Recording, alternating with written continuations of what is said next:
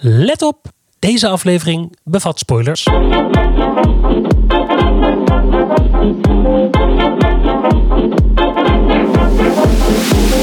Ik vind hier iets van. De podcast met discussies zoals je die in de auto voert, Of in de trein, of op het terras, of in een bubbelbad. of overal dus. En het gaat over... Over. Over musical!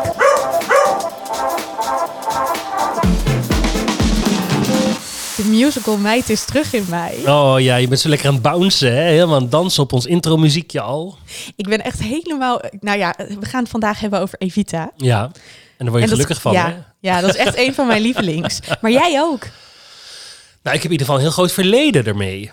Eh, in 1996 was het dat ik in de reprise, dus in het tweede seizoen van de musical Evita, stond met Bill van Dijk en Pia een stukje. Pia. Ja, en Pia heeft een klein stukje maar gedaan. Doris Baat heeft het vooral gespeeld toen. Oh, die heeft het overgenomen Ja. toen. Ah ja, oké. Dus eh, ik, je kan zeggen dat ik de voorstelling van binnen en van buiten ken. Wie was Magaldi bij jullie? Frans Limburg. Wie? arme Frans, als die maar niet luistert. nee, maar dan zat ik echt... Want meestal ken je dan wel de namen van de cast. Dat je Ja. denkt, oh ja, dit weet ik. Maar dit wist ik dus ook Nee, niet. maar jij was drie. Nee, zes. 1996 Oh, zes in 1996. Oh, maar nou ja, het is heerlijk. We wilden eerst de film gaan kijken met Ja. Madonna. Ja. Ik heb hem op DVD, maar we konden hem niet zo snel gewoon als stream vinden. En toen dachten wij op een gegeven moment... Volgens mij kunnen we hebben genoeg te bespreken. Dus volgens mij hoeven we de film niet eens Nee, te het, was, het is leuk om weer een beetje in de muziekfeel te komen en dat soort dingen. Maar eh, het zit wel gewoon genoeg in ieder geval mijn systeem. En het blijkt dus ook in jouw systeem. Om er zeer uitgebreid over te kunnen praten. Maar ja, ik zei dus al meteen tegen jou, maar ik voel me nu wel echt de groupie. Want dit is de tijd. Nou ja, eh, ik heb dan voor mij de eerste keer dat ik Evita zag was 2006. Dus toen was ik 16. Dat was eh, op West End. En daarna kwam natuurlijk de opzoek naar Evita, eh, ja, televisie. Versie. Precies, Ja. ja. En ik was fan.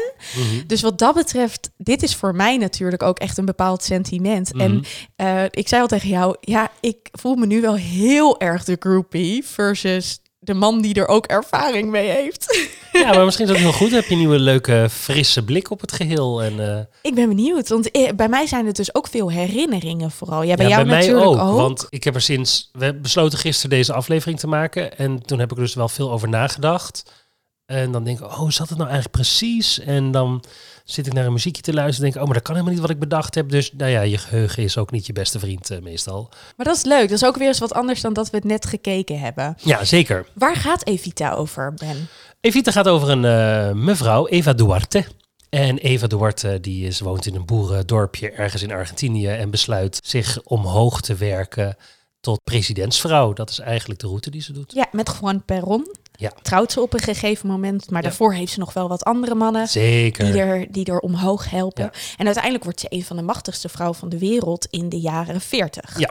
Dat is eigenlijk eh, waar het over gaat. Ja. Maar ze sterft al op 33-jarige leeftijd. En oh, ik heb nu meteen dat ik denk, ik wil een parallelletje leggen.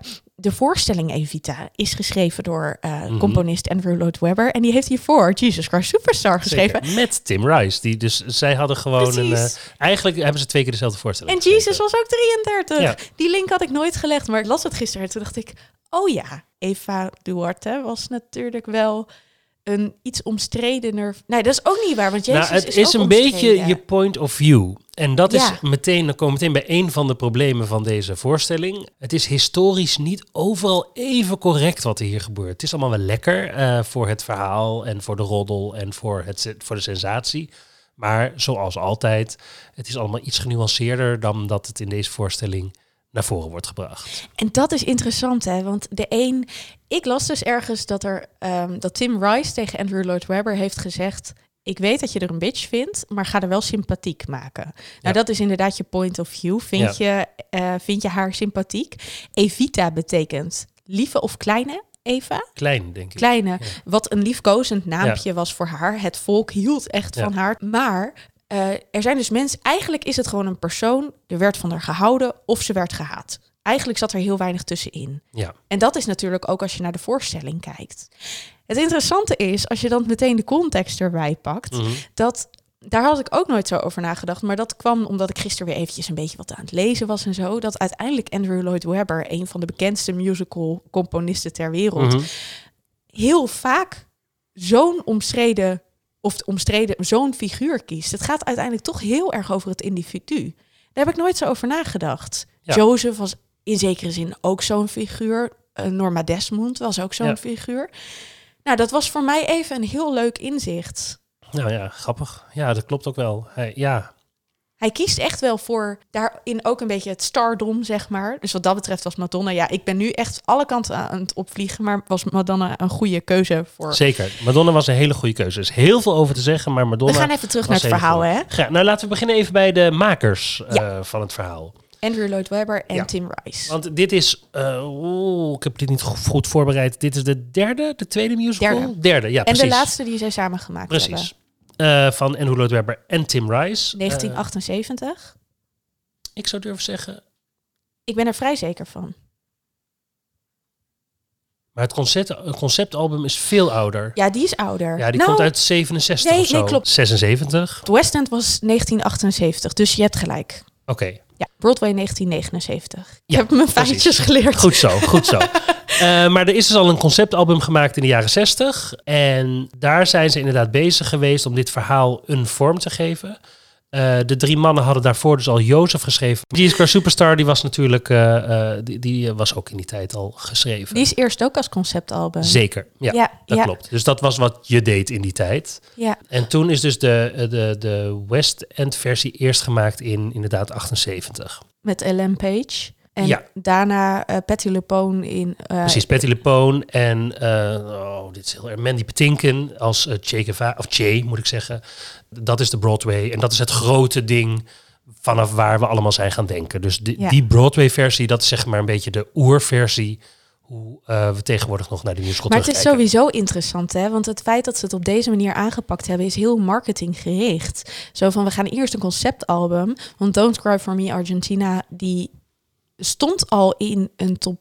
Ja, doordat die in Precies. 76 al eh, eh, gemaakt was. Dus het is echt al gelanceerd onder Ja. het mom van, Ja. vind je dit mooi? Kom dan ook naar de voorstelling. Ik geloof niet dat dat voor die tijd op die manier gebeurde. Nee, dat weet ik eigenlijk ook niet. Wat wel meteen een probleem oplevert, is dat heel veel mensen naar bijvoorbeeld Don't Cry For Me Argentina luisterden en denken, oh, wat een mooi gevoelig nummer van deze gevoelige vrouw en helemaal niet door hadden wat de eigenlijke context van de musical is. Keiharde manipulatie. Ja. Ja, en dat ze eigenlijk gewoon op dat moment de hele boel bij elkaar aan het liegen en acteren is. En ik weet zelfs dat ik daar last van gehad heb toen ik voor het eerst die voorstelling zag. En eh, ik heb het dus gezien in 95 voor het eerst.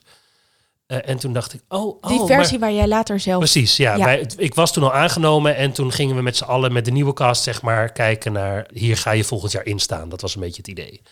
En toen dacht ik, oh, oh, maar deze vrouw, ik had me helemaal niet zo verdiept, ook echt super slecht en jong en naïef. Toen ontdekte ik pas, oh, maar deze vrouw is veel slechter dan ik dacht. En dat is ook wel, het heeft heel veel te maken met mijn slechte voorbereiding, maar ook wat ik denk dat heel veel mensen tegenaan lopen. Ik dat denk je denkt, het.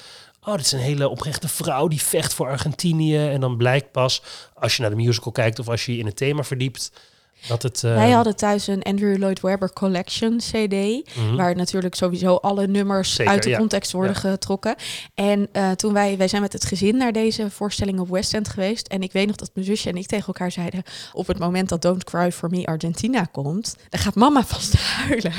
Ja. En dat, dat komt dus inderdaad omdat wij geen idee van het verhaal hadden. En Nee. daarna eigenlijk ook nog steeds niet. Nee. hoor, Want ik was, Je was dus ik was 16. 16, ja. Of misschien nog niet eens. Nee, nog niet eens. Jawel, jawel. Ik was. Nee, nog niet eens. Ik was 15. Dus, eh, nou ja, maakt niet uit. Maar zo goed was mijn Engels destijds nog niet. En ik heb vooral heel erg zitten kijken naar wat er allemaal ja, gebeurde. precies, ja. En eh, Ja. pas daarna ben ik me erin gaan verdiepen. Maar ehm, Eh, wacht even, want er is nog een derde persoon die we aan dit rijtje van Tim Rice en Andrew Webber moeten toevoegen. En dat is namelijk Harold Prince. Daar ja, is die daar weer. hebben we het al eerder over gehad. Zeker, dus luister naar de vorige podcast om daar wat meer over te horen.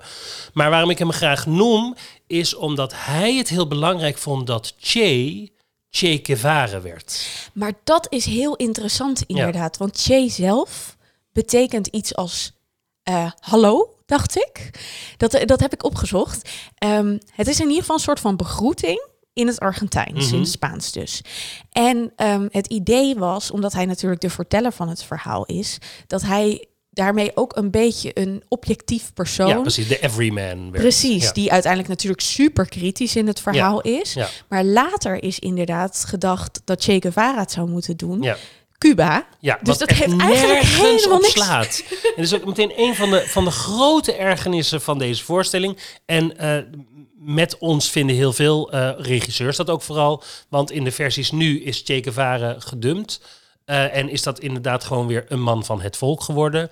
Die Wat veel kritisch kijkt. is. En wat ook veel meer klopt. En daarbij, maar goed, eh, dat vergeven we dan een beetje in de tijd. Che Guevara is ook echt een hele slechte man. Hè? Die heeft hele nare dingen gedaan. Dus dan mag je wel kritiek leveren op wat Evita wel en niet allemaal gedaan zou hebben. Maar hij is echt minstens zo slecht. Ik, kan- ik weet even niet meer in de film. Is hij Che Guevara? Nee, nee, hij ook is gewoon Che, ja. Antonio. Banderas.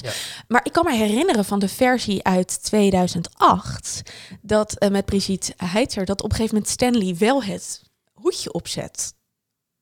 Nou ja, er zal vast dan nog een beetje een verwijzing naartoe. Ja, eh, als een soort van. Ja. knipoog inderdaad. Ja, dat, dat, dat Maar is dat op een dat- of andere manier me bijgebleven. Ja. Maar nou goed, die keuze is zo gek. En dus in de 1995, 96 Ze hebben elkaar trouwens ook nooit ontmoet. Nee, precies. Dus wat dat betreft is het ook echt een. Het enige wat ze wilden doen is denk ik context geven aan wie deze persoon geweest moet zijn. En het idee van de strijder van de. Ja, van het socialisme en, de, en, en dus de, de, de, de, de, eh, bijna het communisme tegenover het kapitalisme. Dat, dat werd daarmee, kon dan iets versterkt worden, zeg maar. Maar nogmaals, Bill van Dijk heeft dus in mijn versie, noemen we het vanaf nu even, in 96 gespeeld. En die had gewoon nog een groen legerpakje aan Ja. met een baret op zijn hoofd. Ja, het interessante is wel meteen, want dan gaan we het eh, hierin ook over het verhaal hebben. Ehm, jij zegt het kapitalisme versus het Mhm. socialisme. Maar het interessante is natuurlijk. Eva groeide op in een dorpje, wat je net al zei, buiten. Buenos Aires. En zij hoorde echt tot de onderste laag, de descamisados, zoals ze Mhm. het in de Zie. voorstelling eh, noemen, Ja. eh, van de bevolking. Ja. Zij was bovendien ook nog een bastard, dus zij, eh, dat maakte voor haar ook heel erg de vechtlust om zich naar boven te werken van ik stel wel wat voor. Mhm. Ook als vrouw, want dat was Mhm. in die tijd natuurlijk verschrikkelijk. Maar het interessante is dus, omdat zij zich zo omhoog gewerkt heeft, werd ze ook verleid door het kapitalisme. Mhm. Maar zij is zich in haar carrière wel heel erg blijven inzetten voor die descamisados, waarmee ze dus de middelklas en de hogere klasse heel erg tegen zich in het harnas gejaagd heeft. Dus Mhm. hoewel het natuurlijk allemaal twee kanten had Mhm. en eh, zij daarin een stukje hypocriet was, heeft zij zich wel, zij heeft wel uiteindelijk echt wel iets betekend voor die onderklasse. Ja en nee. Want, eh, maar nu gaan we het heel breed trekken. Zij is gewoon Trump. Oh ja, interessante visie, leg uit. Zij, zij mikt op een doelgroep.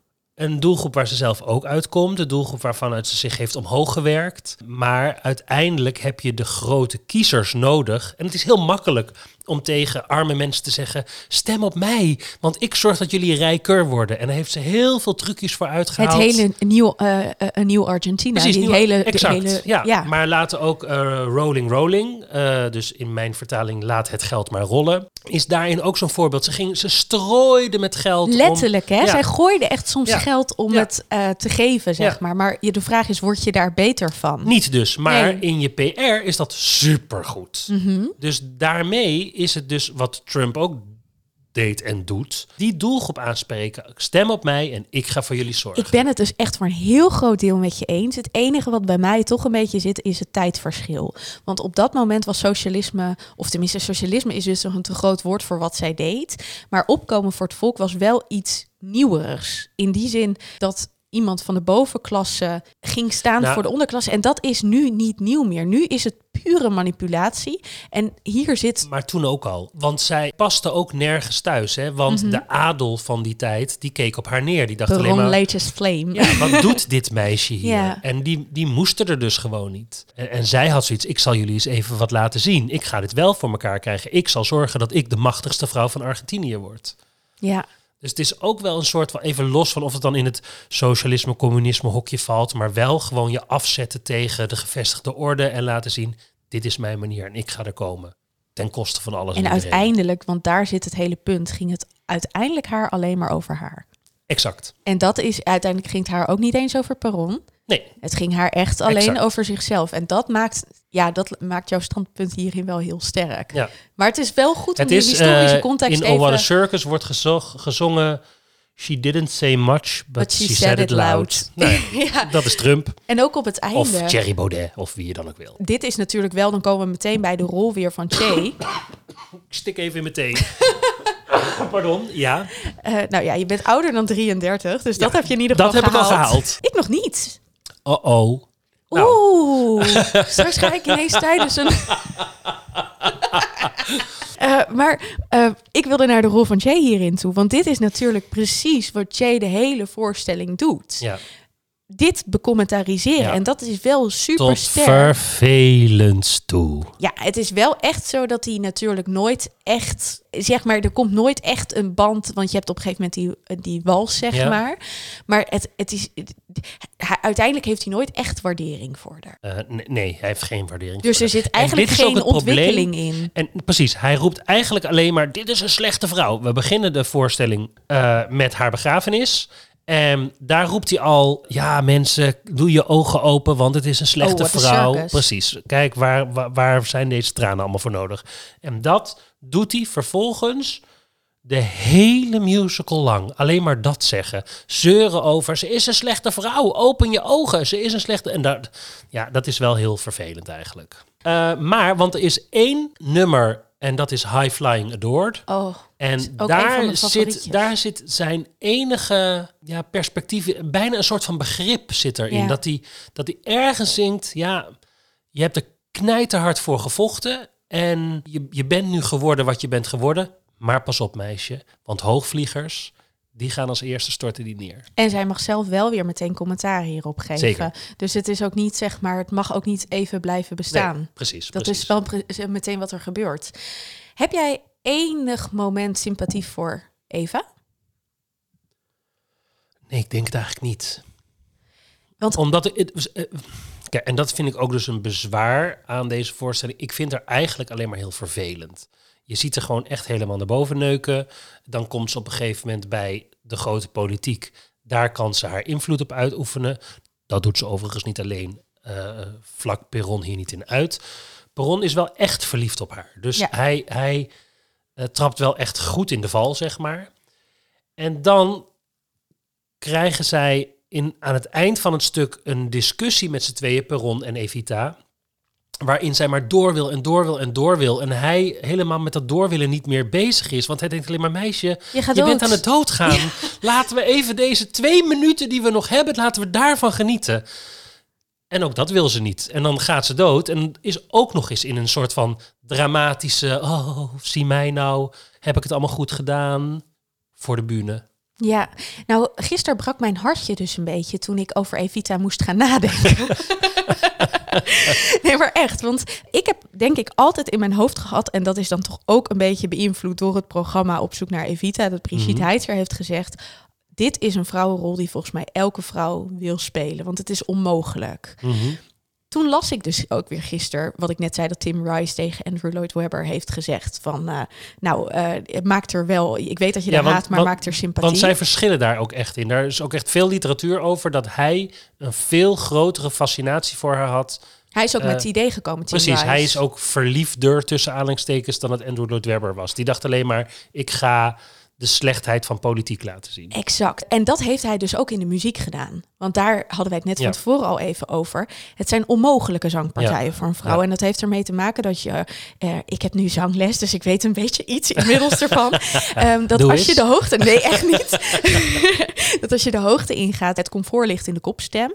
Maar wat hij eh, doet in deze voorstelling... is dat hij je toch in je borststem wil hebben zingen. Dus dat hij je heel hoog wil laten belten. Eh, wat heel oncomfortabel. En niet iedereen kan dat ook. Nee, het, je kan het niet en het klinkt heel vaak heel schel en naar. En om daar heb ik straks nog een hele goede. Dus onthoud die voor mij. Maar waar ik heen wil is. Eigenlijk klinkt het dus ook best wel in deze voorstelling door.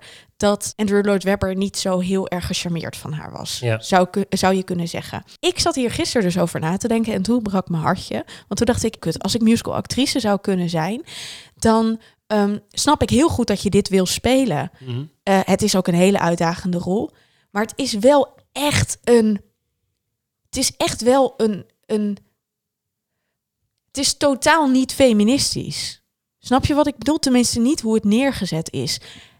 Ik zat net te kijken naar het programmaboekje Mhm. van eh, de versie van 2008. Daar staat dan een trap, Mhm. wat natuurlijk aangeeft het omhoog neuken, zeg Mhm. maar. Maar het hele idee dat je je omhoog moet neuken als vrouw eh, om bepaalde macht te krijgen en hoe zij daarmee omgaat, dat is natuurlijk wel gewoon echt verderfelijk eh, voor het, het hoe wij willen. Ja, Ja, maar deze discussie is een beetje de discussie van nu. Ja, dat weet Want ik. we- 100 jaar geleden is echt een andere tijd waarin andere regels scholden, andere. Maar je gaat het wel nu kijken.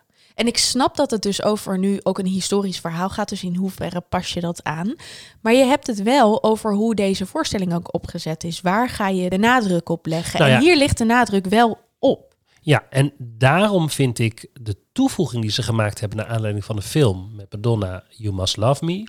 Eh, daar is dus een extra nummer voor geschreven voor de film, die daarna ook is toegepast in alle versies die er gekomen zijn, omdat dat haar wel inzicht geeft. Opeens vallen de schellen van haar ogen en opeens realiseert ze zich vlak voordat ze doodgaat: Oh, maar jij houdt echt van mij.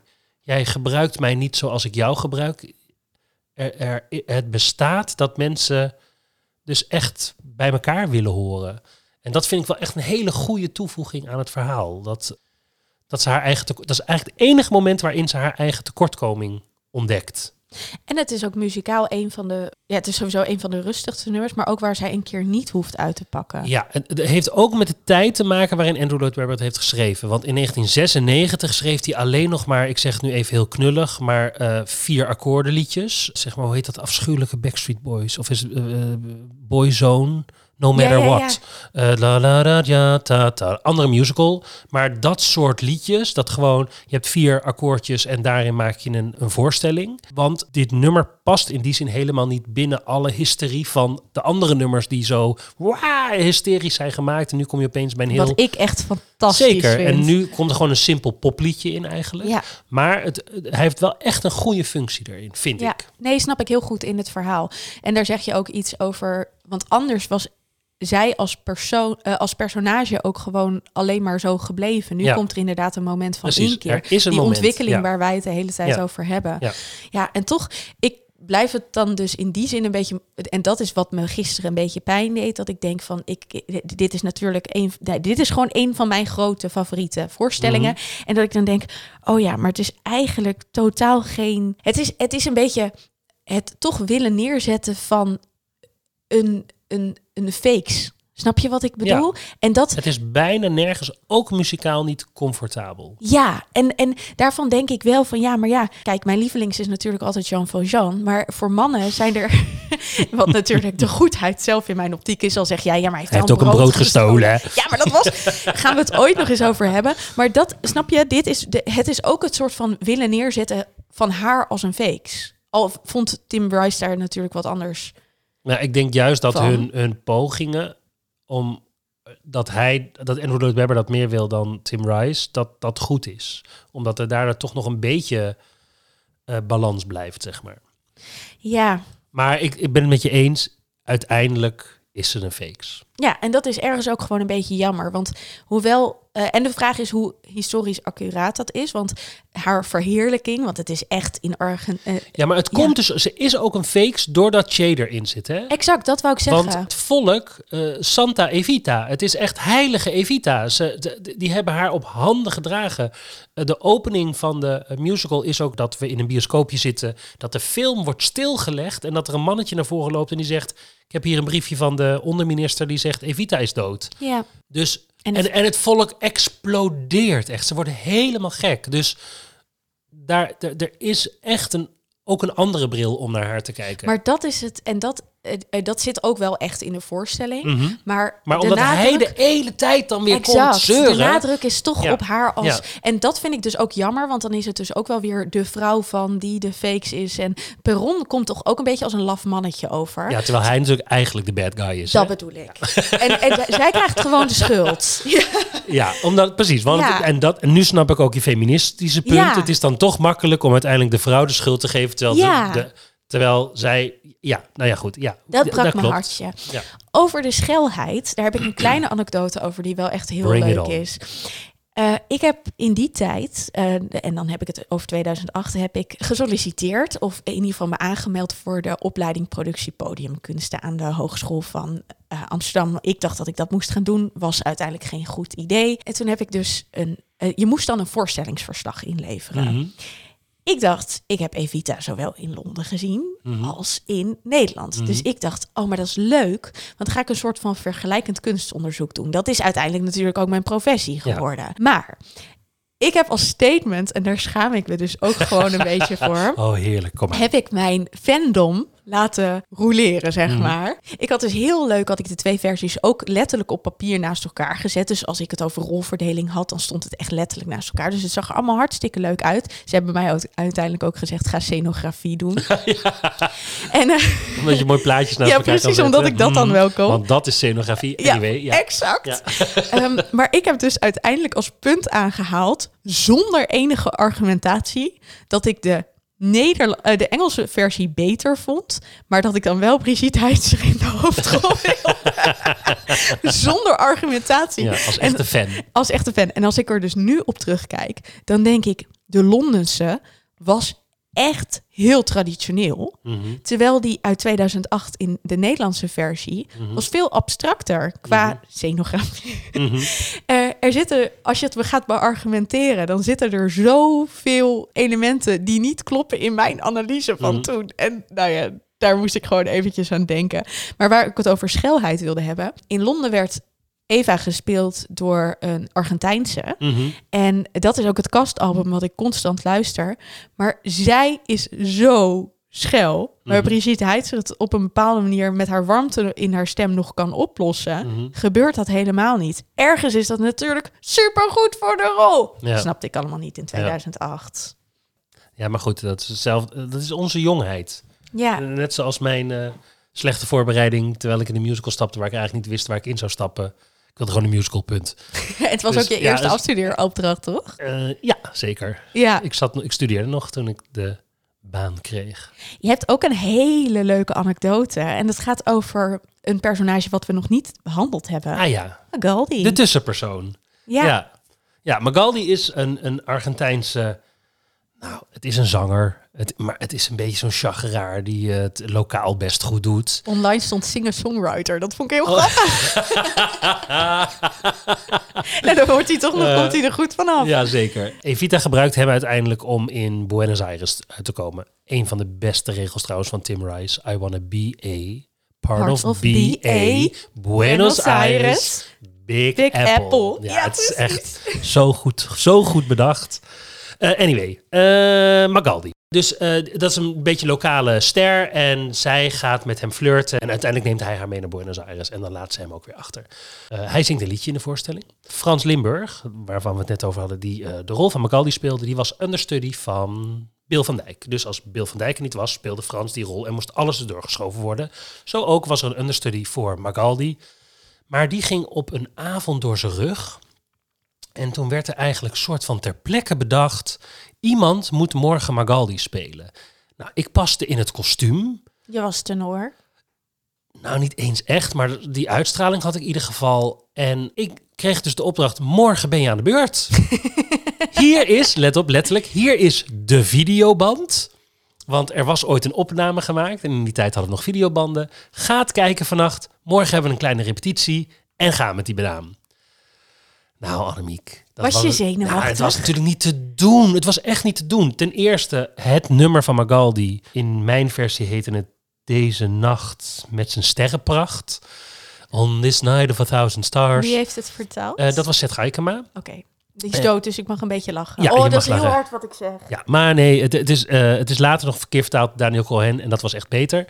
Eh, maar in ieder geval, de laatste noot is tot de morgen gloort. Dus dan moet je op een O en een hoge G voor de wat betere kenners. Nou, dat is echt een dramatische combinatie. Moest je, eh, moest je dat zingen? Nou, ik worstelde me daar doorheen. Prima allemaal. Eh, en dat had ik smiddags ook allemaal gerepeteerd, dus dat was fijn. Maar wat gebeurde er op deze prachtige avond in Tilburg? Want ik zal het mijn leven niet meer vergeten. we doen een volgend stukje en opeens realiseer ik me... maar dit hebben we vanmiddag helemaal niet gerepeteerd. Terwijl we dus al aan het spelen zijn. Hè? Ik denk opeens... Oh.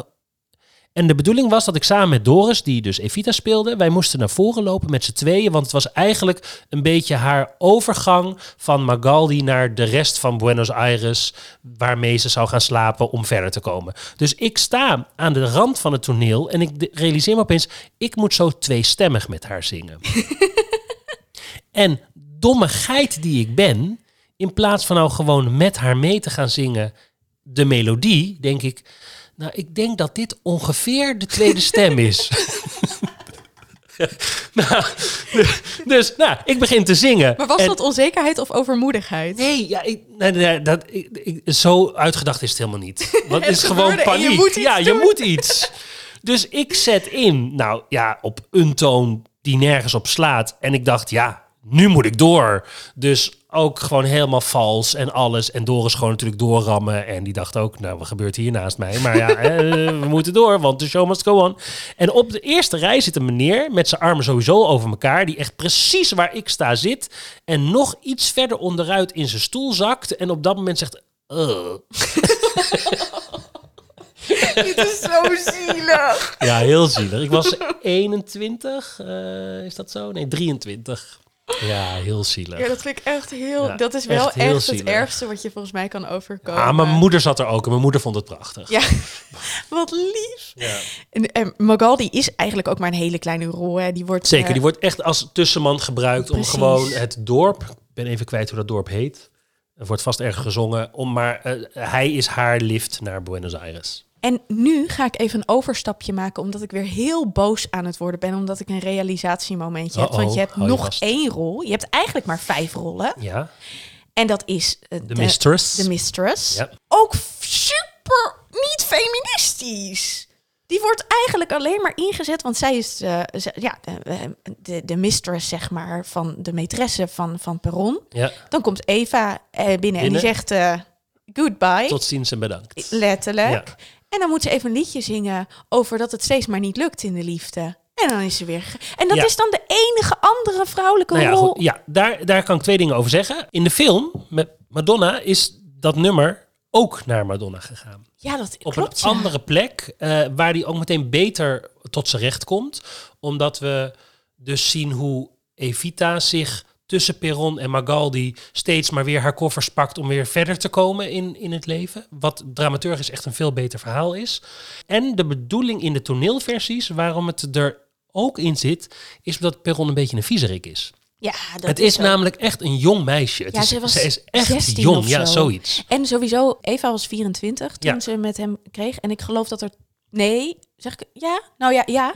En dan alsnog zat er iets van 20 jaar tussen of zo. Het was de, de, de, leeftijdsverschil was ook tussen hun best groot. Zeker, ja, dat klopt. Uh, en dus, uh, maar eh, kan, de, de, Mistress, ja, maar zeker in deze tijden van The Voice, True. is, het, is het best een interessant lijntje om dat even te benoemen. Het, ik heb ook altijd gedacht, jeetje, er gaat zo'n heel nummer naar een vrouw die we eigenlijk niet kennen.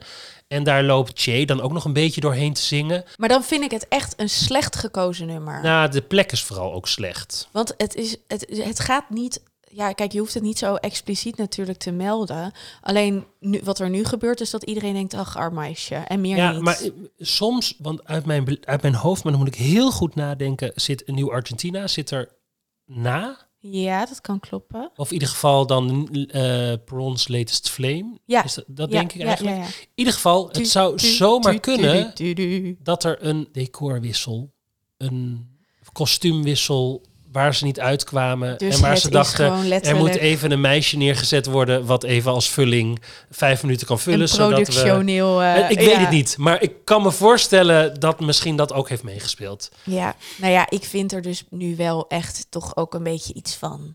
Ja, ja. Maar ook weer in deze tijd. En daarom is de keuze in de film heel goed. Haal al die andere vrouwen eruit. Alles is Eva. Je kan ook zeggen, die fucking arrogante Madonna... dat enige lied wat ze niet heeft, heeft ze ook nog geclaimd. Maar, Wat vind eh, jij van Madonna? Dat is wel een goeie. Wat vind jij van haar als Evita? Ik vind haar heel goed voor die rol. Terwijl ze eigenlijk op geen enkele plek het voor elkaar krijgt. Zangtechnisch is er, is, hebben ze enorme drama's moeten uh, uithalen. Volgens mij zijn ze vier maanden met haar in de studio geweest om dit album überhaupt muzikaal Zij voor is elkaar te überhaupt niet krijgen. zo'n hele goede zangeres. Nee, en ze hebben ook met toonsoorten moeten klooien en zo om dit allemaal draaglijk te krijgen. Ze is wel echt het type. Ja, speltechnisch is ze ook niet heel, heel sterk. En toch klopte het, omdat zij gewoon... Dit is Madonna. Dus ja, ik vind het heel goed. Ja, grappig. Ja. Ik moet je zeggen, dan hadden we toch even moeten kijken. Want voor mij voelt het als heel lang geleden. Doen we dan straks nog even. Ja, een nu- stoetje. Ja, ja, ja. Want nu jij, nu, jij, nu jij dit zo zegt, ook met die wisseling, zeg maar, dat zij dan ook. Another suitcase. En dat is suitcase. Ja, ik wou zeggen, ik, ik draai hem in mijn hoofd helemaal af, maar dan kom ik niet meer bij de titel. De- dan denk ik, oh ja, dat is ook zo. Oh ja, dat is ook zo. Dus het is voor mij gewoon echt te lang geleden dan toch dat ik hem gezien heb. Ik vond haar wel oud. Want, maar dat is ook, Madonna? denk ik, ja, voor Hoe de oud rol. was zij in nou, daar heb ik dus 96? opgezocht. 39. Oh, ja, ja. En het interessante was wel, ik zat daar sowieso een beetje over na te denken. Het is, deze rol is wat dat betreft ook niet te doen om je, dat je van 15 naar 33 moet spelen. Nee.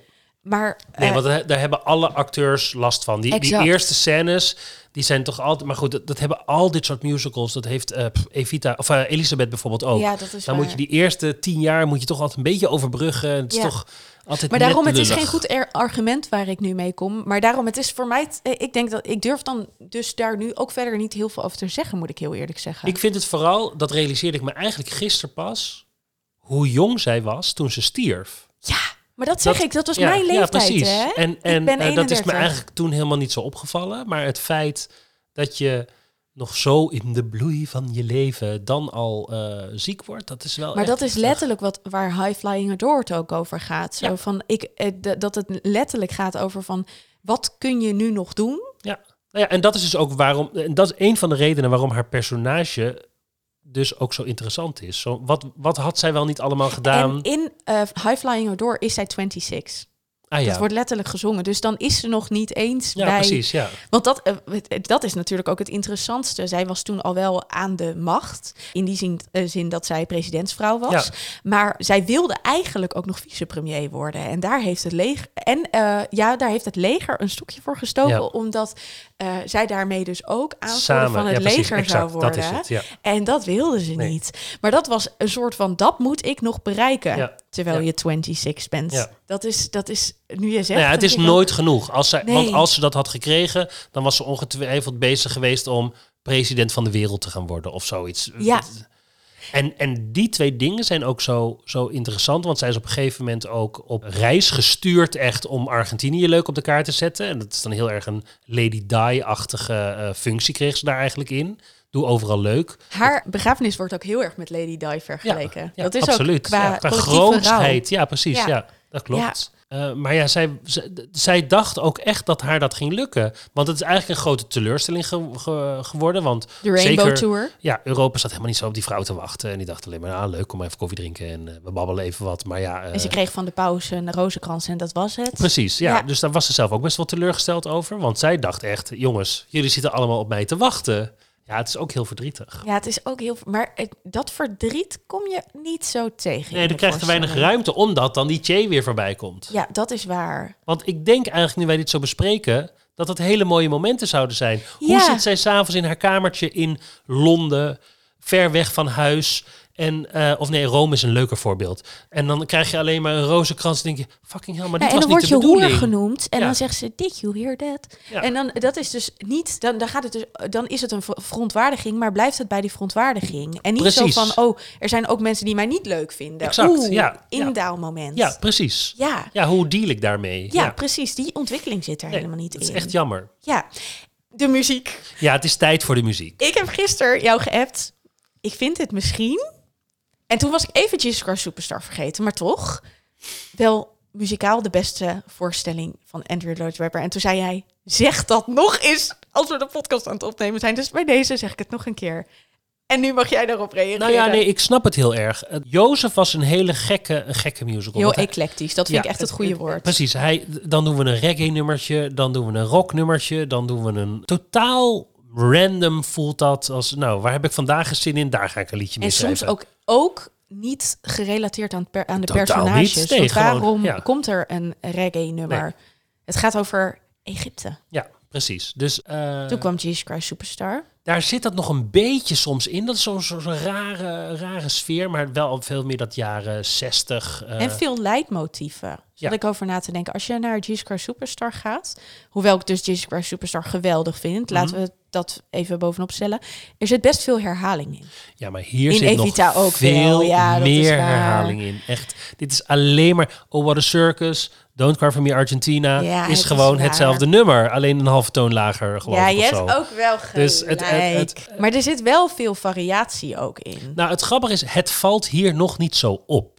Ah, ja. En dan straks, als de Phantom gaat komen, dan opeens denk je, komt weer dat melodietje. Dus dan heeft hij het trucje tot in perfectie uitgedacht. Dat gaat dan zijn kracht worden. Dat is zijn ding. Gewoon steeds iets laten terugkomen tot vervelens toe. En dit is precies volgens mij de goede balans in dat het al is, maar nog niet is. Ja. Ik weet dat wij... eh, stonden in de coulissen op een gegeven moment te wachten om ergens weer voor op te gaan. En er was een melodietje wat werd gezongen. Ik heb echt geen idee meer welk nummer. En ik zong de tegenmelodie. Eh, en dat zal ongetwijfeld dus Don't Cry For Me Argentina zijn geweest. Maar iets wat dus in een ander stukje van de musical zit. En toen stond ik naast een collega die zei... Oh, ja, dit is eigenlijk gewoon hetzelfde. dus ehm, daar zit het er gewoon nog niet zo dik zit het er bovenop. Later is dat echt veel meer. Ja, want ik kan me ook herinneren dat jij over Love Never Dies, wat de, eh, wat de sequel Ja. van eh, Phantom of the Opera is, dat jij zegt van dit zit letterlijk in. Welke voorstelling is het ook weer? Ja, nou ja, Our Kind of Love uit The Beautiful Game Ja. is gewoon Love Never Dies. Da, Ja. da, da, da. precies. Dat is, dat, dus daarin is hij eigenlijk En- gewoon aan het smokkelen gegaan. Sterker nog, daar is hij, daar is hij echt heel erg recyclable geworden. Ja. En dat is ook heel goed in deze tijd, maar met muziek eigenlijk niet zo. Ik denk dat hij gewoon dacht. Ik vind het zo'n mooie melodie. Het is in een musical die echt heel slecht is ontvangen, die eigenlijk niemand heeft gezien. Nou, Love. Never Dies hetzelfde.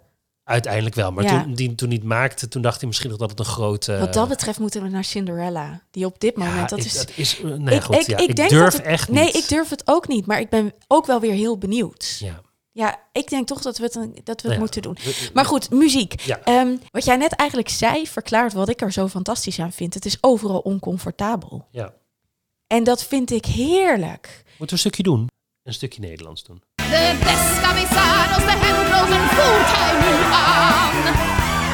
Hij begrijpt je, ondersteunt je, wil helpen in Spanje. Daarom houdt hij ook van mij. Ja, dus eh, wat je hier eh, nu hoort, is waar we het net over hadden, over het hele hoge, dat helemaal waanzin. Het is echt waanzin bijna in haar Het hoofd. is Hitler. ja, dat is toch zo? Het is Hitler. Het is Hitler. Ja. Dit is echt een soort van. En het grappige is dat het dus werkt. Want als je hier naar luistert, dan denk je dus waanzin. Ja, Maar zo roer je een ja publiek op. precies, dat is het. Absurd. Ik wil graag muzikaal iets laten horen. Ja. Namelijk iets grappigs wat er is gebeurd. Eh, luister even naar de eerste tonen van dit. Luister naar de gitaar.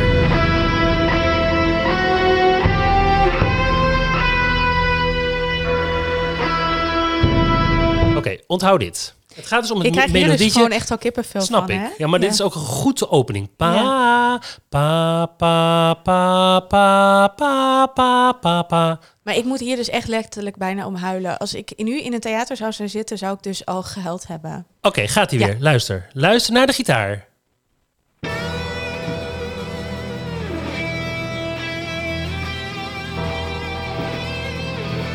Hoor je het verschil? Wat Ja. ze dus gedaan hebben, ze hebben een toon veranderd. Dit is de Madonna-versie. En er is opeens da da da da da da da da da da. Dus het verschil is dan dus da da da da in plaats van da da da da da. Maar waarom? Ja, fascinerend. Wat grappig. Maar het grappige is, wat in ieder geval, en ik die dus de, de, de eh, voorstelling goed ken, Ja. want dit kwam in het jaar uit, de film, dat wij het ook speelden in Nederland. Dat klopt. Ja, En- eh, tenminste, omdat jij tweede Ja, precies, bent. ja. ja. En eh, dus wat er gebeurde, ook bij mij, die het supergoed kende, dat ik meteen... "Huh!" Dus ik zat meteen in een soort van, wow, in een... Dus, dus zelfs ik, die de materie door en door kende op dat moment, was ook weer in shock daardoor. Ik, ja, en ik weet helemaal niet of dat de bedoeling is, maar ik vond dat zo goed.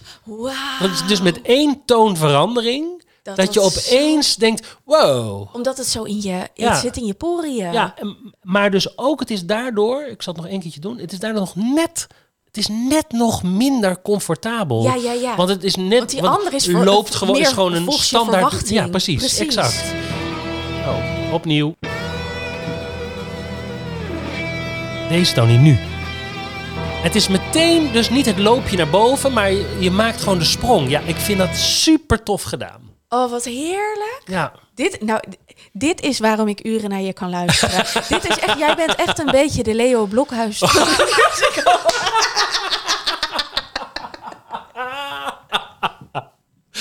Ja, maar dat, dat gevoel krijg ik hier wel van. Is toch heerlijk? Ja, oh, wat, wat goed. Ja. Maar dat dan één toon... Ja, dat één toonverschil. Maar dit is grappig, hè? Want als ik versies van Les Miserables luister... Mhm. hij is echt versneld in de loop van de tijd. Ja. Enorm. maar ABBA deed dat ook altijd. Ja? Ja, wat zij deden is, eh, even een uitweiding mensen, sorry. Eh, ABBA is ook een beetje musical. Nee, waar, waar het over gaat is de. Op een gegeven moment zit de muziek in je systeem. Eh, als jij de platen van ABBA luisterde, dan was dat lekker. Maar dat was in een live optreden niet meer genoeg. Want dan was het eigenlijk net te mellow allemaal. Dus wat zij deden, zij duwden alles 10% omhoog in tempo. En daardoor voelde je de sparkle weer. En dacht je, oh ja, lekker. En ging zo'n nummer meteen twee keer zo goed werken. Le Miserable, hetzelfde verhaal. We, we kennen het door en door. Dus we hebben net even een zetje nodig om net te denken... wow, ja, het sprankelt allemaal weer. Ja, het en daarom allemaal zijn ze Les trucjes. Miserables ook eh, niet meer zo klassiek gaan kasten. Precies, Dat ja. is het ook. Dan zeg Dan- maar dat haalt de uit. Laila in als ja, Ja, I Dream the Want een, een, een operazanger, eh, even heel zwart-wit, een operazanger hangt altijd in de muziek. Heeft met heel veel redenen te maken, maar die zingt eigenlijk altijd een beetje achter de muziek aan. Beetje layback. En, ja, en dat draagt het dus allemaal nog meer. En daardoor heb je ook het gevoel dat het allemaal dus wat langzamer is. Dus Mhm. als je het cast met een pophoofd dat een beetje gaat duwen, dan gaat alles vooruit. En dan heb je een soort van versnellingsgevoel. En denk je, wauw, dit nummer vliegt alle kanten op. En dan krijg je de endorfinestoot letterlijk. Ja, dat is precies, het een ja. beetje. Ik, ik ga een klein bruggetje snel maken, maar dat is gewoon een feitje, Graag. omdat je het over ABBA had. Weet je waarom Evita gestopt is in West End? Nee, Alleen maar, dat is geen grap, dat is echt zo. om want het theater was vrij te maken. om theatervrij te maken voor Chess. Nee! En Chess is geschreven door Benny en Björn. Ja, zeker. Nee, grappig hè? Oh, wat dus het was echt ja. een heel groot succes op West End. Ja. En, maar ja, toen moest Chess komen. Ja, Nou, en dan is Evita toch veel beter. Chess Ja, kunnen we ook nog een keertje ja bespreken. leuk. Is ook leuk. Ja. Het enige waar we het eigenlijk nog niet zo heel veel over gehad hebben, zijn de versies. ja. Ehm, Want de, even, de allereerste versie in Nederland was niet de jouwe, hè? Ja, officieel wel als Nederlandse Als cast. Nederlandse. Ja. Want het eh, Ballet van Koninklijk, Vlaanderen. eh, ja, Ja. Koninklijk Ballet van Vlaanderen was Die heb ik ooit- 1988, Oh, denk dat ik. gaat echt te ver. Toen was ik er nog niet. Nee, daarom. Nee, eh, met eh, eh, eh, Janke Dekker en eh Vera Mann als de twee Evita's. Die wisselden elkaar af, omdat het zo'n zware partij was dat je dat niet geacht werd om, voor hun in ieder geval, denk ik, dat iedere avond te dragen. Heeft Vera het ook niet bij jullie gespeeld? Er staat me iets van bij. Nee, Nee. dus oké, ja. Oh, nee. Ik weet niet hoor. Dat, de- is grappig, in mijn ja. hoofd zit dat. Dat klopt, dat zit ergens... Nou, oké, opa weet het niet meer. Sorry. Maar ehm, oké, die kwam. Die heb jij dus niet gezien? Nee, Oké, Nee. dus jij hebt de eerste keer gezien toen jij wist dat ik erin zou gaan spelen. Ja, dus het was voor mij ook de hele avond dat ik... Ik weet niet meer, ik geloof dat ik Paul over moest nemen. Nou, in ieder geval dat je daar één zo'n acteur de hele avond... kijkt, Oh, daar sta ik. Oh, oh, daar ga ik staan. Oh, daar ga ik staan. Ja, super, super. had ensemble-rol en ja, dan en dan uiteindelijk ook nog in dat, eh, in dat hele grote Den Haag, eh, hoe heet het, de World Forum, Oh, ja, wat toen ja, nog ja. niet zo heette. Eh, dus we zaten ook 100 kilometer ver weg. Dus ja, een, een, gewoon een bizarre ervaring achteraf. Ja, het is een ensemble-rol. Ja. We zaten net een filmpje te kijken van Pia die Hel niet om mij eh, Ja. zingt. En toen zei jij, ik stond daar en ik stond daar. Heb je nog een andere cover toen gedaan? Eh, nee, want het was er eigenlijk helemaal niet. Er waren gewoon vijf rollen en dat was het. Ja. Eh, dus en, en, en nogmaals, ik kwam echt net kijken. Het was ook echt heel onverstandig uiteindelijk om mij dit te laten doen. Maar ja. Kun jij iets over het concept zeggen? Waren er spannende dingen of was het eigenlijk, wat ik dus zeg Nee. over de 2006-versie in West End, best een traditionele voorstelling? Ja, wij werden geregisseerd door Ken Urmston. En Ken die maakte dit overal in de wereld. Mhm. En wat er speciaal was aan de Nederlandse versie van ons, het werd gemaakt op een draaischijf. Les Dus. Wij kregen een t-shirt van hem. I've never done an Evita on an Lemmy stage. Heb je die nog? Nee, dat denk ik niet. Anders wil ik hem hebben. Ja. Maar eh, dus dat was, want toen hè, alles moest draaien en draaien, want dat was het nieuwe ding. En dat had natuurlijk ook heel veel voordelen, want je deed halverwege een doekje dicht. Dan kon je daar het volgende eh, decor zetten je klaar, doekje omhoog, omdraaien en het volgende decoortje. Dus dat gaf lekker, lekker veel tempo.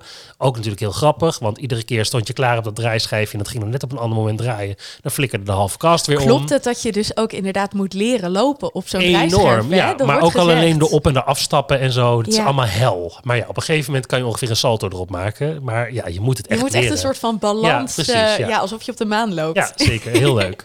Dus dat was denk ik de grote ding. Voor de rest hebben we hem best wel traditioneel gemaakt. Het was gewoon wat het was. En een boze Bill van Dijk en een eh, witte jurk Pia die Don't Cry For Me Argentina zo pathetisch mogelijk zong. Eh, pathetisch omdat de rol zo eh, gemaakt is. Ja. En ook eh, scèneontwikkelingen waarvan jij zei, zegt Ik van... kan me dat helemaal niet meer herinneren. Het, is wel echt, wat ik, me, wat ik me vooral herinner, is dat hoe moeilijk en hoog de muziek was. Ja. Het is echt... Ook voor mannen, Ja, hè? zeker. Want wij Want waren op een gegeven moment in... rol. God, hoe heet dat nummer? Eh, eh, da, da, da, hoofd, mond, haar, schouders. Ja, Zoiets dat is de zingen. Rainbow Tour. Ja, precies. nee, dat is Fantastische niet Tim Rainbow Rice. Tour. Nee, dat- Rain, nee, zo- Rainbow High. ja, Rainbow High. Ja. En daarin eh, eh, zit, zitten ook namen die verwerkwoord zijn. Zo Lauren Bacall-me, Ja, ja, ja. zo Christian. Dior-me. nou, het is echt fantastisch bedacht. Anyway, Velmi. daar, moest ik, daar moest ik de mond zingen. Dus dan krijg je oog, mond, haar. Nou, een mond, weer een G met een O-klank. En nou, dat gebeurt dus regelmatig dat Benno daar dan stond en dan mond zo oversloeg. En dat de rest van de jongens die om mij heen stonden, omdat we allemaal Evita moesten aankleden met een, met een sjaal en een handschoentje en zo. Nou, dan stonden we weer met z'n allen broekpiesend van het lachen. Stonden we daar, want Benno deed weer mond. Want ik kreeg het niet helemaal onder mijn co- controle om in één seconde. Ik vind het zo schattig. Ja, ja. Voelde je je wel comfortabel? ja enorm. Ik Ja. had het idee dat ik gewoon midden in het hoogtepunt van het leven stond. Ik stond gewoon in een musical. Ja, dat is ook wel weer zo. Alleen al dat besef was genoeg voor jou. Ja, zeker. Toen was jij het. dus eigenlijk ook nog een beetje groupie. Oké. Ja, zeker toch? was ik een groupie. Ja. Ja. nou ja, ik was in ieder geval musical fan. Heb jij daarna, ja, eigenlijk wat ik dus heel erg heb rond 2008. Dat ik, dat ik echt niet, want dat, dat wat ik dus net al zei, van dat ik dan eh, Evita gezien heb op West End en in Nederland. En dat het mij helemaal niet ging over dat het decor veel abstracter was. Dat het decor symbolisch nog iets kan Nee, betekenen. nee, nee. Want, want ik vind daar. eh, Evita is een van de films. Mhm. Die als musical fantastisch werkt. Het is misschien wel een van de beste verfilmingen van een musical. Dus ik raad ook iedereen aan. Waar zit dat in? Omdat het gewoon zo goed gemaakt is. Omdat het Ze heeft het ook echt gezongen op eh, de Casa del, Ja, Ro- eh, ja. eh, del Rosa, Ja. is het? Ja, precies. Ja, Overigens heeft zij ook een aantal... De sterfscènes heeft ze allemaal live gezongen. Wel op een goede manier, anders dan Anne Hathaway in Les Miserables. Eh, maar dat is een andere discussie. Eh, maar ik vind het als film echt heel erg compleet. Dus ik maar raad ook heel traditioneel. Wat zeker. goed is, Ja, hè? Want maar, in een want film... het, is, het is traditioneel. Maar dat is ook precies het grote verschil, denk ik. Want dat, dat is waar ik dan naartoe wil in mijn analyse van 2008 versus nu. Is dat in een film mogen dingen ook traditioneel zijn, omdat je het letterlijk kan laten Precies, zien. ja. En ik ben toevallig, daarom zit ik hier nu ook zo op te hameren. Ik ben gisteren naar de Sound of Music geweest. Nou, daar vond ik best wat van. Mhm. Maar wat ik heel leuk vond, en dat noemde ik verfrissend ook naar jou toe, is dat er wel met wat scènes gespeeld is op een niet-traditionele manier. Niet op de manier hoe we het kennen, maar gezocht is, goh, hoe kunnen we er toch iets anders van maken? En dat is wat bij de film ook is gebeurd. Dat er, daar zijn dus die twee dingen, You Must Love Me en eh, de Mistress, die er eigenlijk Mhm. uit is gehaald. Waardoor er al wordt gekeken naar waar kunnen we, in plaats van dat we gewoon de zoveelste versie eh, neerzetten, eh, dat is daarin gezet. We zijn er, hè, Ben. Ja, nee, nee, we kunnen nog uren door. Ik wil jou de opdracht, dat is zeker waar, maar ik wil jou eigenlijk de opdracht gewoon geven om Evita te gaan maken. ja, dat ik weet niet of het kan dus. Ja, ik zal er eens over nadenken. Maar ik, nou ja, goed. Ja, leuk. Ja. ja, Ik vond het wel echt een zeer inspirerende eh, gesprek. En ik wil eigenlijk inderdaad nog drie uur doorpraten. Ja, Wie weet komt er ooit in seizoen 23 ja een doen we het nog een keer. Ja. als jij je eigen versie gemaakt hebt. en dan ga ik er heel veel van vinden. Heel goed. Nee. Wil je eh, ons blijven volgen? Doe dat dan heel graag, want dat willen we vooral. Dat kan natuurlijk gewoon op Instagram en op Facebook. Hebben we Mhm. Facebook? Ja, we hebben Facebook, maar daar ben ik wel het minst actief. Oké, nou doe het dan vooral op Instagram, want dat vinden we heel leuk en daar doen we ook en de we meeste hebben natuurlijk dingen. ook een website. En Daar we kan je hebben alle website. show notes en Ja. zo ook nog eens. Want dat is wel leuk. Wij maken bij iedere voorstelling maken wij echt wel show notes met wat informatie er ook in. Dus als jij een naam gehoord hebt en je denkt, oeh, wie was dat ook alweer? Ga even naar de show notes kijken. Echt een goed idee. Dan ben je weer ook een soort van eh, musical encyclopedietje aan het bekijken. Zeker. www.ikvindhierietsvan.nl Zeker. Ehm, En eh, like ons ook als het kan. Eh, dat kan vooral bij Apple, kan het heel goed. Bij Spotify, kan het bij Spotify ook? Nou, het gaat voornamelijk over bij Spotify over abonneren. Dus oh ja, abonneer abonneer je, dan kunnen wij dat ook een helpt beetje ons, zien. Ja, dat helpt ons echt enorm. Want we willen dit natuurlijk langer en groter doen. En daar hebben we dan op een gegeven moment weer grootste sponsors voor nodig. Wil je Eigenlijk willen we een beetje de musical encyclopedie met een kritische noot van, van Nederland willen Ja, we worden. dat is precies wat het is. Dus eh, vind ons. eh, en eh, wij vinden jullie heel snel weer met een volgende aflevering. Laat ook vooral weten welke musical je terug wil. Heel graag. Ja, oh ja, dan kan je een berichtje sturen naar annemiek.ikvinderietsvan.nl Nou, nu genoeg gepraat. Tot de volgende. Goodbye and thank you, whoever.